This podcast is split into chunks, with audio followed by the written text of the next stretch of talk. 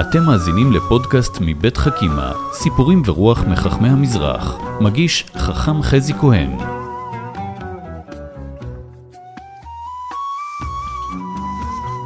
שלום לכם, היום אנחנו בפודקאסטים של חכימה הסכתים בנושא חכמים והיום אנחנו נעסוק אה, ברבנית שמחה צדקה הצדקת מירושלים. היא הייתה האימא של רבי יהודה צדקה, ראש ישיבת פורת יוסף. היא הייתה הסבתא של הרב הראשון לציון הרב מרדכי אליהו. אבל האמת היא שהיא הייתה תלמידת חכמים וצדקת בפני עצמה, ועליה נספר לכם היום.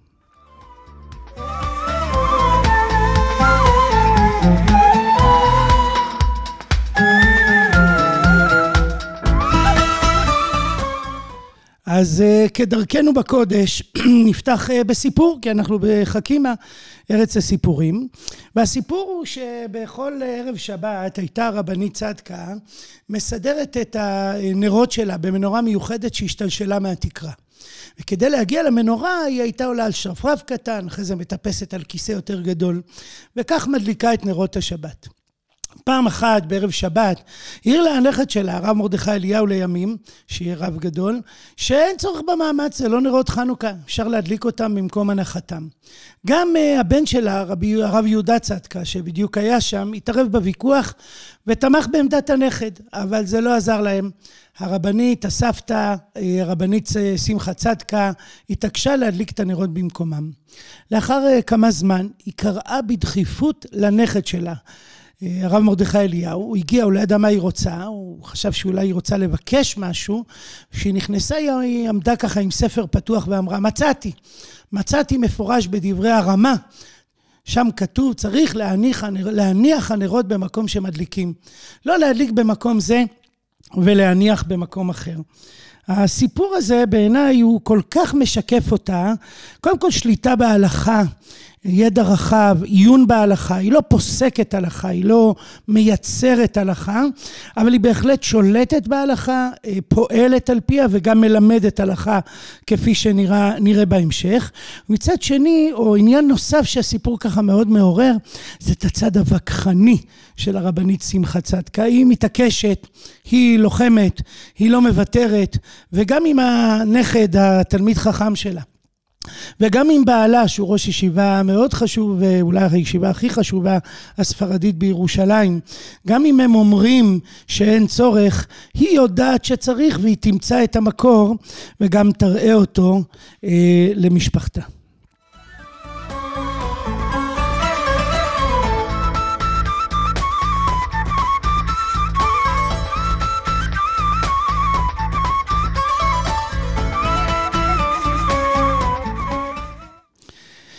אז אה, מי את הרבנית שמחה צדקה? היא נולדה בבגדד ב-1878 לפרחה, אחותו של הבן איש חי, רבי יוסף חיים. בעצם הייתה אחיינית של הבן איש חי, אבל זה לא רק אה, איזשהו אילן יוחסין, היא הייתה מעין תלמידה. של הבן איש חי, היא נהגה להקשיב לכל הדרשות שלו, גם בבית הכנסת הקטן זריר בבגדד, זריר אה, זה קטן אבל הבית כנסת היה די גדול, שם הוא דרש בכל שבת, וגם בבית הכנסת אל-כביר הגדול, אל-כבירי, שם הוא היה דורש בארבע שבתות הגדולות, שבהן אה, פסקו מלדרוש אה, בכל רחבי בגדד והיו באים לשמוע אותו. היא נהגה להקשיב מאוד לדרשות שלו ולנסות לשנן אותם וללמוד אותם לעומקן, והיה לה ידע עצום בפסיקות של הבן איש חי. היא גם למדה עם אחיותיה אצל רבי יהודה פתיה, שהיה אז אברך, ולימים יהיה מקובל גדול ויעלה לארץ ישראל. והיא ואחיותיה היו ככה, הסתופפו בצילם של גדולי חכמים. למשל, היה ידוע שרבי עבדאללה סומך, שהוא דמות לא מוכרת, אבל תלמיד חכם גדול ואולי מחיה לימוד התורה. אה, בבגדד אה, רבי עבדאללה סומך היה עובר, הוא היה תמיד נכנס לבית של משפחת אל-חכם לשתות מים, להירגע קצת, והם היו תמיד מוזגות לו את המים, היו ממלאות יותר על המידה כדי שיישארו שיירים שאותם הם היו שותות, היה להם איזה באמת, איזה מעין אה, מעשה חסידי, כאילו איזה אדמו"ר, והם באמת הסתופפו בצילם של תלמידי חכמים או קמות מאוד מוקדם בבוקר, לומדות, קוראות, מעיינות, ומפה בעצם היא רוכשת, מתחילה לרכוש ידע גדול בפסיקותיו של הבן איש חי. סיפור יפה, שפעם אחת אה, לקראת סוף ימיה, אה, בנה, רבי יהודה הצדקה, ראש ישיבת פורת יוסף, יושב איתה, הוא מקריא לה מפסקי הבן איש חי. וכשהוא מקריא משהו, היא אומרת לו, לא, לא, זה לא יכול להיות, הבן איש חי לא פסק ככה. והוא אומר לה, אבל זה כתוב, מקריא לה שוב, הוא מראה לה שזה כתוב בספר, אבל היא מתעקשת, כבר דיברנו על הקו הזה הווכחני, העיקש, היא אומרת, זה לא יכול להיות, אני אומרת לך, הוא לא פסק ככה. אה, כידוע, בסוף ימיו החכם יוסף חיים הוציא עוד ספר שנקרא עוד יוסף חי הלכות ומיד מביאים את הספר ובודקים ורואים שבנקודה הזו חזר בו, הוא באמת אה, זוכר את אה, רבנית שמחה צדקה את הפסיקה האחרונה. הבקיאות הזו, הידע הזום הזה בפסקי הבן איש חי עוד ישמש אותה בעתיד.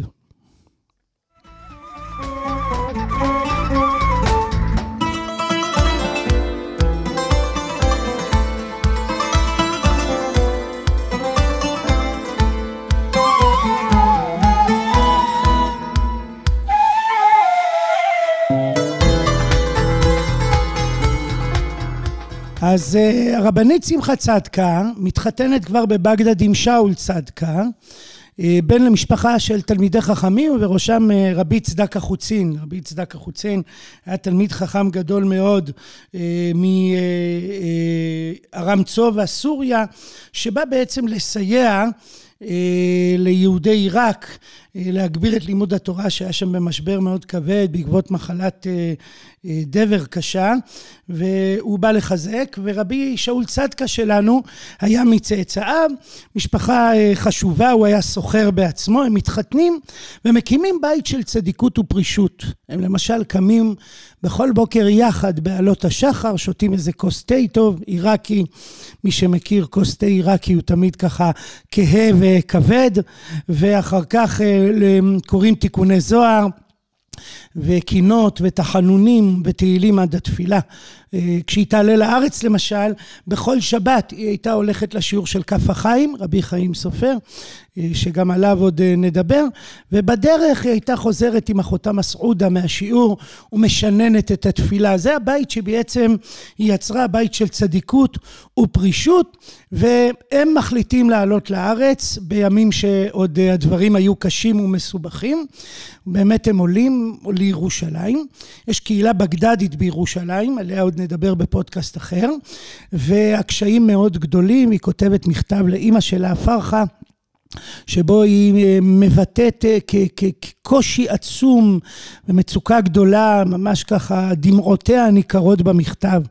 שולחת לאימא שלה מכתב מפתיע מאוד ואומרת, דעי לך שביום שנפרדת מאיתנו ועלית לבגדד, הלכתי לאחי, רבי יוסף חיים, הבן איש חי, והוא בכה.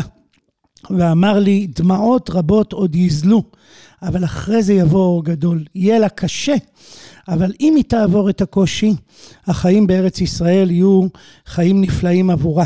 ולכן אומרת פרחה, אמה של שמחה, קחי עוד אה, אוויר, קחי עוד נשימה, כי צפוי לך עוד, צפויים לך עוד ימים טובים בארץ ישראל.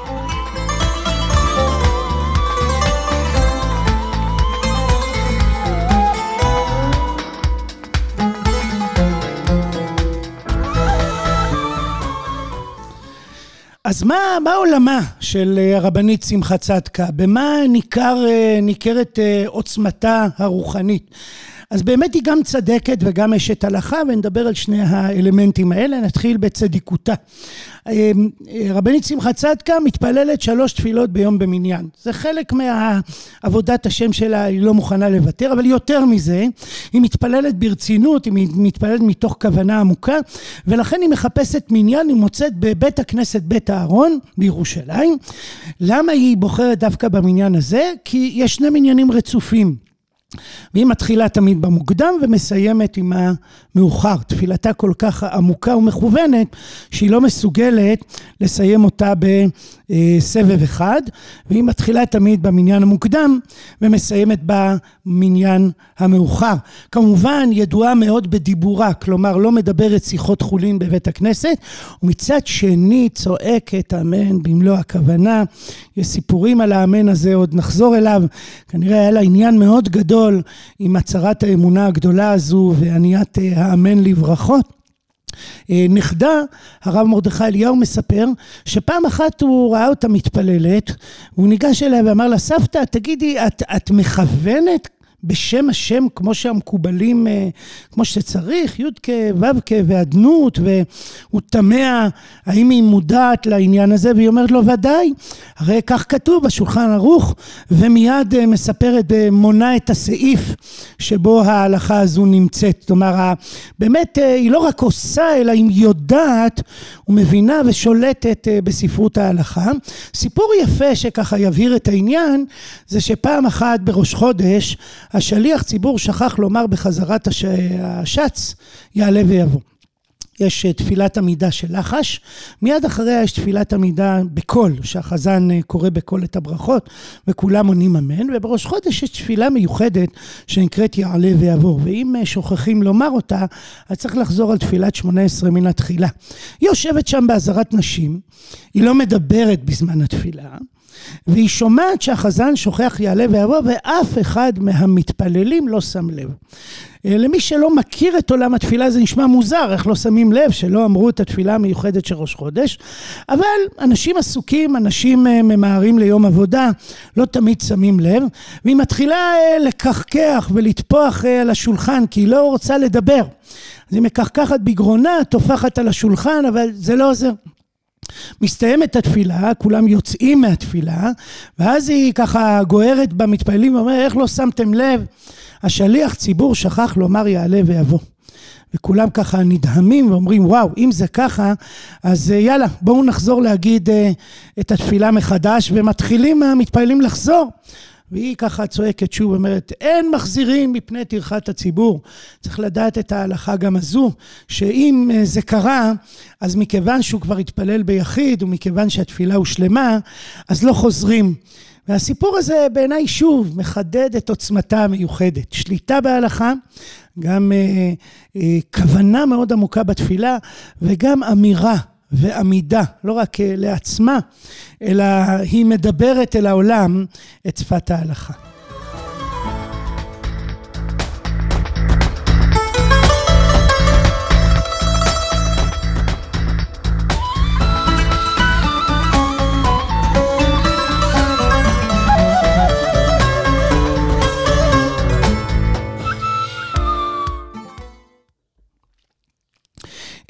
דיברנו על הלכה, בואו ניכנס ככה לתוך העולם הזה.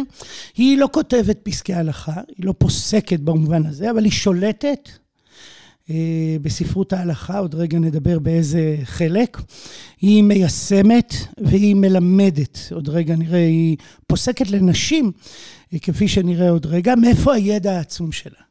אז היא מסתופפת בצילו של הבן איש חי, מגדולי חכמי ישראל במאה ה-19, אולי מגדול, מגדולי חכמי הפוסקים, הפוסקים בארצות המזרח, והיא לומדת, היא לומדת כבר בילדותה אצל רבי יהודה פתיה, כשהיא תעלה לארץ, ביתה יהיה בית של תורה, והיא עצמה תהיה מקושרת מאוד לרב סופר, כף החיים שעלה מבגדד לירושלים, וזה אומר שהיא נמצאת בתוך המרחב של פסיקה קבלית, שייכת עולם ההלכתי, עולם הלכתי הוא לא חד גוני, יש בו זרמים ותת זרמים, והיא בעקבות הבן איש חי, רבי יהודה פתיה, כף החיים, כל אלה שייכים לזרם הקבלי, ונכדה, הרב מרדכי אליהו, שאגב מספר עליה הרבה בדרשות שלו, זה בעיניי תמונה יפהפייה, מספר עליה הרבה, היא מאוד משמעותית עבורו, ו... הוא מספר שהספר בן איש חי לא מש מידה. כלומר, הספר הזה מלווה אותה, היא קוראת בו שוב ושוב. מי שמכיר, זה ספר שבנוי על תוכנית של שנתיים לימוד, שבועיות, הוא בעצם מקיף את כל אורחות החיים של היהודי, והיא מחמירה כדרך פוסקי הקבלה, מחמירה בעיקר לעצמה, עוד רגע נראה מה זה קורה, ויש המון סיפורים.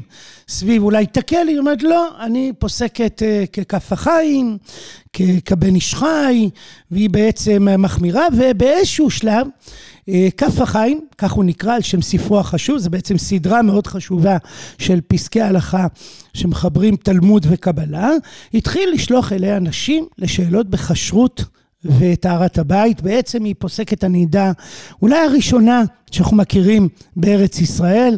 זה נתפס חידוש גדול, וזה באמת חידוש גדול בהמון מובנים, אבל הרבנית שמחה צדקה היא בעצם דמות ששולחים אליה נשים לדון איתה בענייני טהרת המשפחה, ובאיזשהו שלב היא מחליטה להפסיק לפסוק. זה רגע מאוד uh, מפתיע, uh, ושואלים אותה, סבתא, רבנית uh, שמחה, למה את uh, לא פוסקת יותר?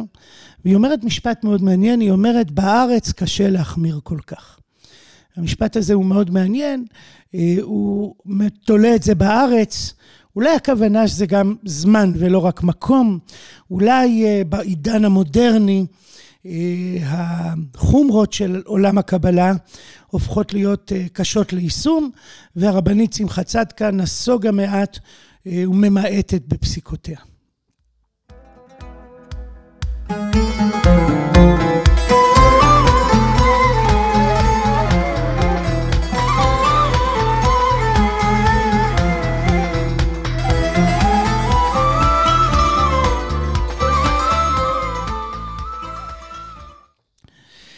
אמרנו שולטת בהלכה, אבל יותר מזה, מה שמאפיין אותה זה, זה צדיקות וחסידות מאוד גדולה.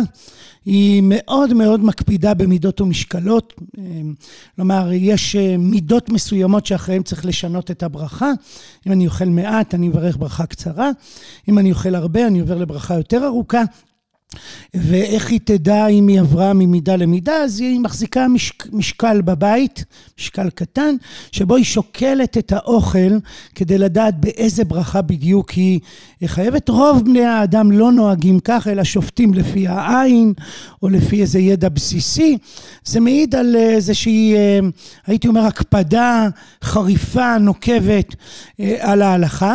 ופעם אחת היא עושה את זה בשבת, שוקלת משהו כדי לדעת מה לברך. לברך, ואחד הילדים אומר לה, אבל סבתא, את יודעת שכששמים על הפלטה, אז לא היה פלטה, אז האוכל טיפה מצטמק. אז היא אומרת, בטח, בטח, אני יודע, לקחתי את זה בחשבון, וכששמתי בשבת, שמתי קצת יותר. כלומר, היא כל הזמן עסוקה בלקיים את ההלכה בצורתה המוקפדת ביותר, היא דמות שמחזרת אחרי בריתות מילה בירושלים, היא אפילו משלמת לאיזה מישהו שיספר לה איפה יש ברית מילה, והיא הולכת לסעודות ברית מילה, זה רגע של ברית, זה רגע של חסד, היא רוצה להשתתף בכמה שיותר בריתות מילה בירושלים, היא מקפידה על שניים מקרא ואחד תרגום, כלומר קריאה חוזרת ונשנית של הפרשה עם התרגום שלה, מנהג קדום, הלכה קדומה, שחלק כבר אינם מקיימים, אבל היא ממש מקפידה. אולי אחת התמונות המעניינות שככה מספרים עליה, זה שקית הניילון שהחזיקה ביד, או השקית שהייתה לה ביד, לא יודע אם היא הייתה מניילון. מה יש בשקית שהולכת איתה לכל מקום? אז יש שם שלושה ספרים. הספר הראשון הוא תהילים, הספר השני הוא זוהר, הוא קשור לעולם הקבלי שבו היא כל כך נמצאת, והספר השלישי הוא חוק לישראל, ספר שמלקט, ספר שבעולם המזרח היה ספר יסוד, מלקט כתרי זוהר, קטעי תלמוד, קטעי הלכה, פרשנות מקרא, על בסיס יומי, שבו האדם בעצם מכיר, פוגש את הספרות היהודית על רבדיה השונים בכל אחד מימות השבוע, בכל חנוכה. היא עושה סיום לזוהר ומתחילה אותו מחדש, באמת מעשה מיוחד, והיא ספוגה בעולם של כוונות, בעולם של, בעולם של התמקדות בתודעה, בקיום המצווה לעומקה, היא מקפידה על מנהגי הבן איש חי, לומר לפני כל מצווה, לשם ייחוד קודשא בריחו, זה איזה משפט או קטע יותר נכון, שיש בו איזה יסודות קבליים. שעניינם שהמצווה מחברת בין שמיים וארץ. הוא באמת אה, מאוד מאוד אה, מקפידה במעשיה. סיפור מעניין שככה ימחיש את זה, הוא סיפור שבו היא פונה לדודה, הבן איש חי, עוד בבגדד, לאחר נישואיה, והיא אומרת לו ככה, תשמע אה, דוד, דודי היקר, אני לא אוכלת אורז בפסח, אני מחמירה. אני יודעת שמותר, אבל אני מחמירה ולא אוכלת אורז בפסח, בפסח, אבל בעלי, שאול, אוכל. והוא רוצה שאני אכין לו אורז, ואני לא רוצה להכין אורז בפסח, אני לא אוכלת ולא רוצה להכין. מה לעשות? זאת שאלה מעניינת, הבן איש חי עצמו במקום, בפסיקותיו מדבר על זה שמי שלא אוכל שלא יכין, אבל הוא ככה בחוכמתו אומר לה, רגע, רגע, רגע, האם אה, לפני שהתחתנתם אמרת לו את זה, או שזאת הפתעה? האם אה, דיברתם על זה מראש, או שאת בעצם עכשיו מפתיעה אותו ומספרת לו שאורז, ומי שיודע, עיראקים חיים מאורז, לא מחמצן ולא ממים, אלא רק מאורז. אה, את פתאום עכשיו מספרת לו ששבוע שלם לא תכיני לו אורז, ובעיראק לא היה מצה ברייט, אז uh, ממה אפשר, uh, uh, ממה אפשר לחיות בשבוע הזה? אם לא התנית מראש, אז את חייבת להכין לו, משום שזאת הפתעה מבחינתו, זו הפתעה לא נעימה. הסיפור הזה מעיד על חוכמתו של הבן איש חי, אבל אה, לא פחות מזה, על השאיפות הרוחניות של שמחת צדקה. היא רוצה לחיות בעולם מאוד גבוה, שבו היא עושה ממש את... אה, את, אה, מממשת את העולם האידיאלי שלה, והמפגש שלה עם המציאות, עם שאול בעלה, מחייב אותה לרגע לעשות שאלת רב ולשנות את דרכיה.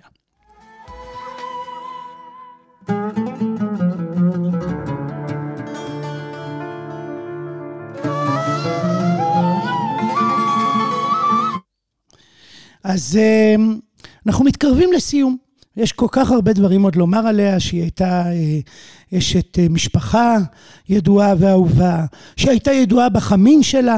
אה, סיפור מעניין, שאנשים מהמשפחה שלה, הכלות שלה, היו באות לקחת חמין מהסבתא, מהרבנית שמחה צדקה, ופעם אחת, אחת הכלות שלה שאלה אותה, סבתא, איך את מכינה את החמין? למה הוא יוצא לך כל כך טעים? מה המרכיבים? מה את שמה שם? והרבנית שמחה צדקה אמרה, תראי, אה, אני אגיד לך מה המרכיבים, אבל יש לי עוד מרכיב אחד סודי שאת צריכה לדעת. לפני שאני ככה מכינה את החמין, אני תמיד אומרת, ככה בכוונה מאוד גדולה, אה, תוך כדי שאני זורקת פנימה את כל הדברים, אני אומרת, יהי רצון שיהיה החמין הזה לכבוד שבת, לכבודו של הקדוש ברוך הוא, ושיהיה עונג שבת לבעלי חכם שאול. וכששמים את התבלין הזה על החמין, אז הוא יוצא מצוין, ואני ממליצה לכן, גם לכן לעשות את הדבר הזה.